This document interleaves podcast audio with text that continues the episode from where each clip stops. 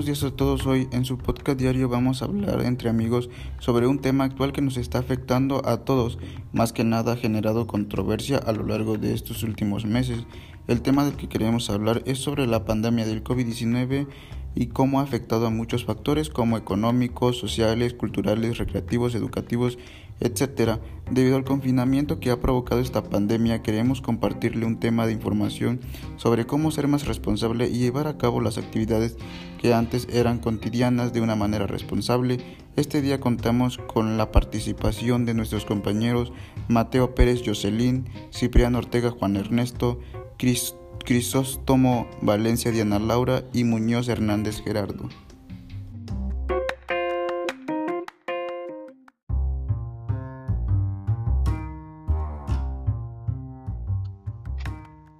Buenos días, yo les voy a hablar sobre cómo se originó en México el primer caso de COVID-19 y en general cómo ha sido esta pandemia desde su origen.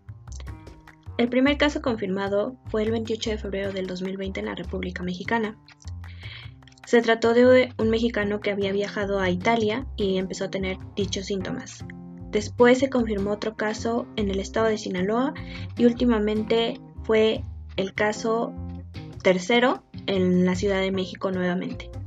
Después de 64 días del primer diagnóstico, el número de pacientes aumentó exponencialmente, con un total de 1.900-224 casos confirmados y 1.859 casos.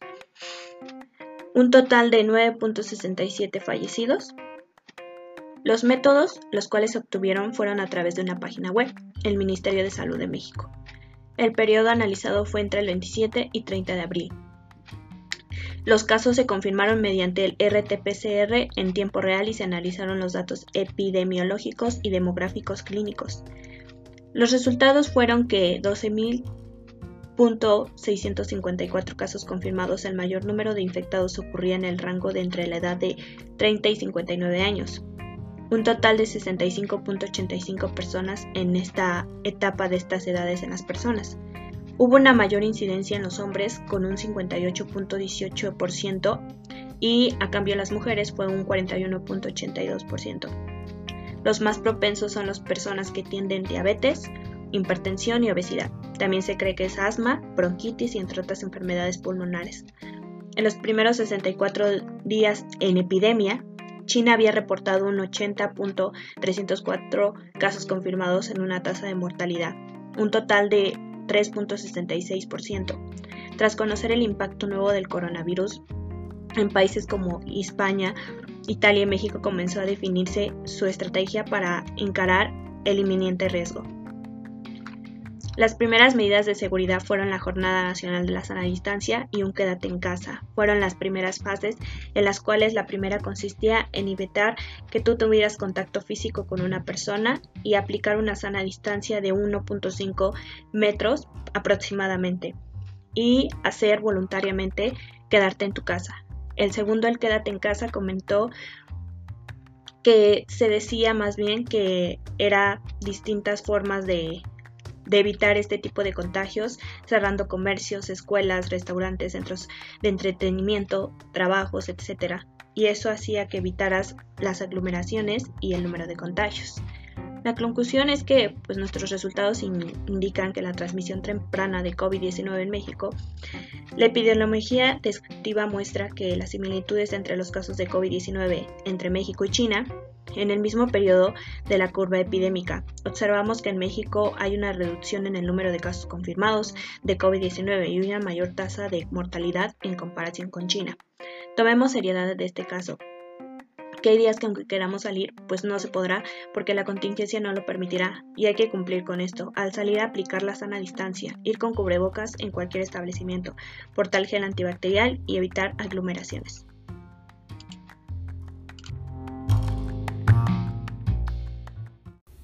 Como ya había mencionado mi compañera Jocelyn, los primeros casos se dieron el 28 de febrero, cuando un residente de la Ciudad de México dio positivo tras volver de Italia.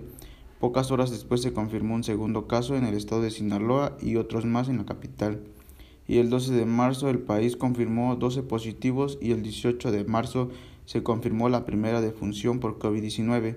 Llevamos aproximadamente 10 meses en paro por COVID-19 hasta la fecha.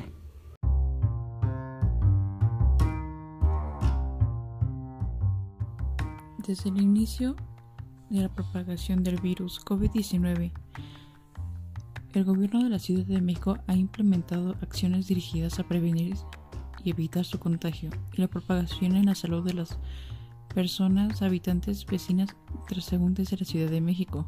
Por ello, conforme a los lineamientos y ejecución del plan gradual hacia la nueva normalidad en la Ciudad de México y el sistema de semáforo coordinador con la Secretaría de Salud del Gobierno Federal.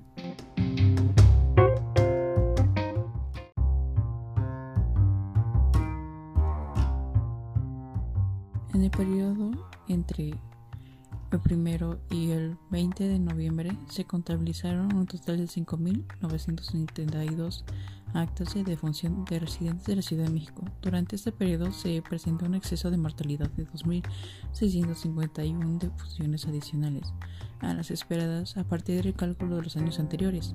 Esto es decir, 133 muertes diarias en periodo más de lo establecido en las bases definidas en la Comisión Técnica de Estudio de Mortalidad.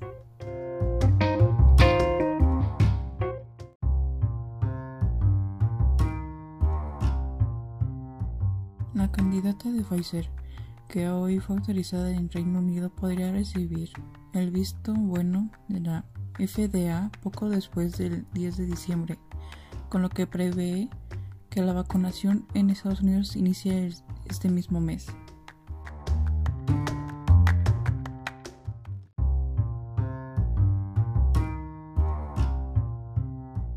Se visibiliza un aumento significativo en el promedio diario del mes pasado actual. Varios países del mundo ya revisan documentación de los candidatos a vacuna contra el COVID-19 a fin de autorizar su aplicación e iniciar sus planes de vacunación.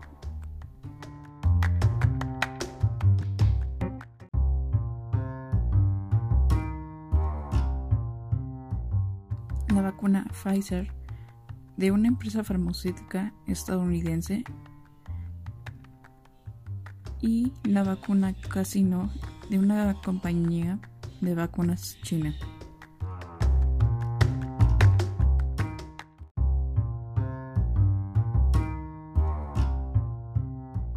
Voy a hablarles un poco de la información actual sobre la mortalidad en la Ciudad de México.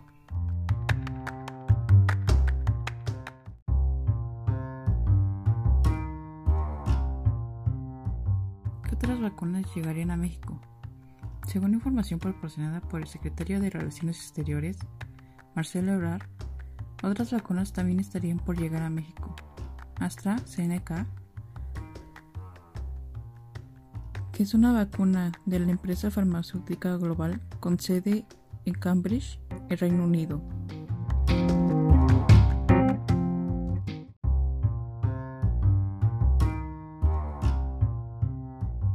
Posible fecha de inicio de vacunación contra el COVID-19 en México, el canciller Marcelo Ebrard dijo la semana pasada que si todo esto sale como lo hemos dicho, la autoridad regulatoria considera que se puede aprobar, como esperamos que apruebe Estados Unidos y Europa, México estará también en diciembre iniciando su proceso.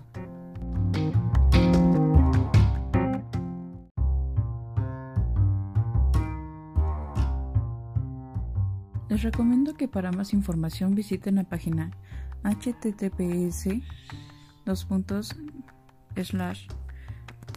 covid19.cdmx.gov.mx donde encontrarán información como la ocupación actual de hospitales, centros para realizarse las pruebas de detección, entre otras mucha más información valiosa y confiable para hacer frente al COVID-19.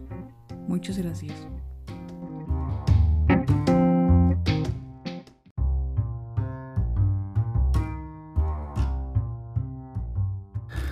Muy buenas tardes a todos, soy Gerardo Muñoz Hernández.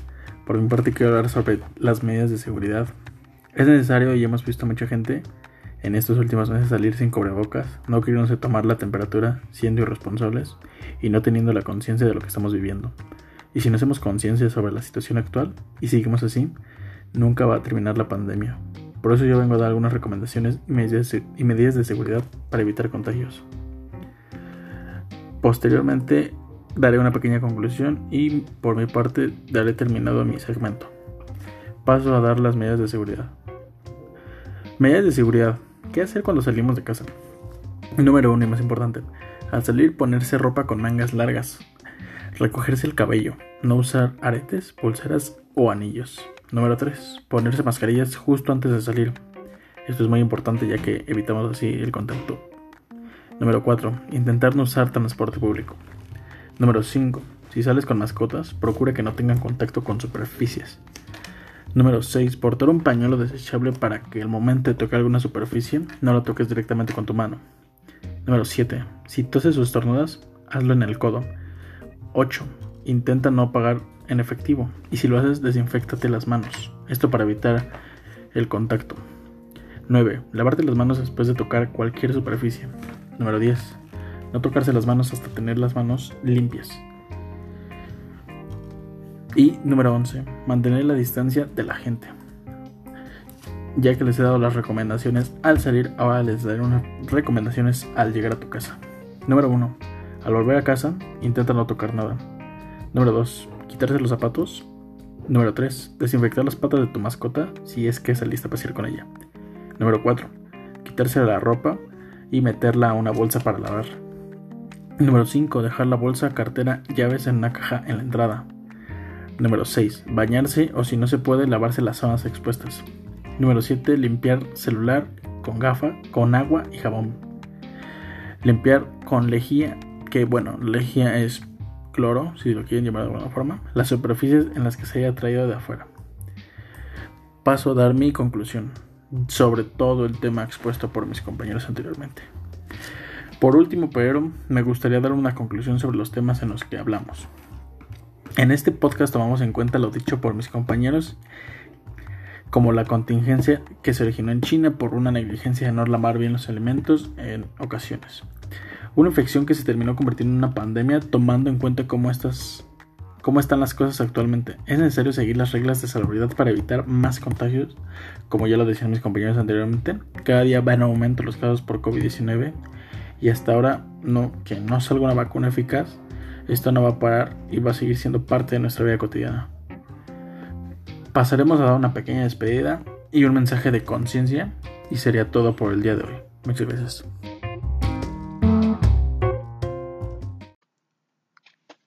En conclusión, y como despedida de este tema, hay que fomentar la conciencia en los seres humanos y en las personas y pensar que el COVID-19 desde su principio, desde el primer caso hasta ahorita los últimos casos confirmados y decesos, pues pensar que realmente el COVID existe y cómo lo vamos a hacer cumpliendo con las medidas sanitarias necesarias, como por ejemplo al salir, pues llevar cubrebocas, salir con gel antibacterial y armar conciencia que ahorita no es tiempo de de salir a la calle si no es por una necesidad o si no es por algo que de, veras sea importante. Evitar todo este tipo de situaciones porque hay días que aunque quisiéramos seguir saliendo, pues hay una nueva normalidad que nos impide hacerlo.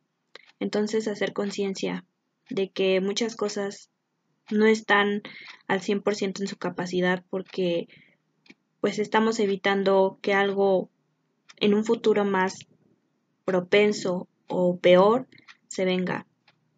Entonces hay que fomentar la conciencia en los seres humanos y el equipo que estuvo integrado en esta parte de esta información o de esta investigación sobre la pandemia del COVID-19, pues les mandamos un mensaje de conciencia para que reflexionen y piensen que todo lo que estamos diciendo o todo lo que estamos realmente hablando o dando como explicaciones real. Entonces, fomenten la conciencia en, ustedes, en las personas que los rodean y en las personas que quieren, porque a veces, pues esta situación nos impide realizar lo que queremos, pero hay una esperanza que se pueda quitar cumpliendo con todas las medidas necesarias.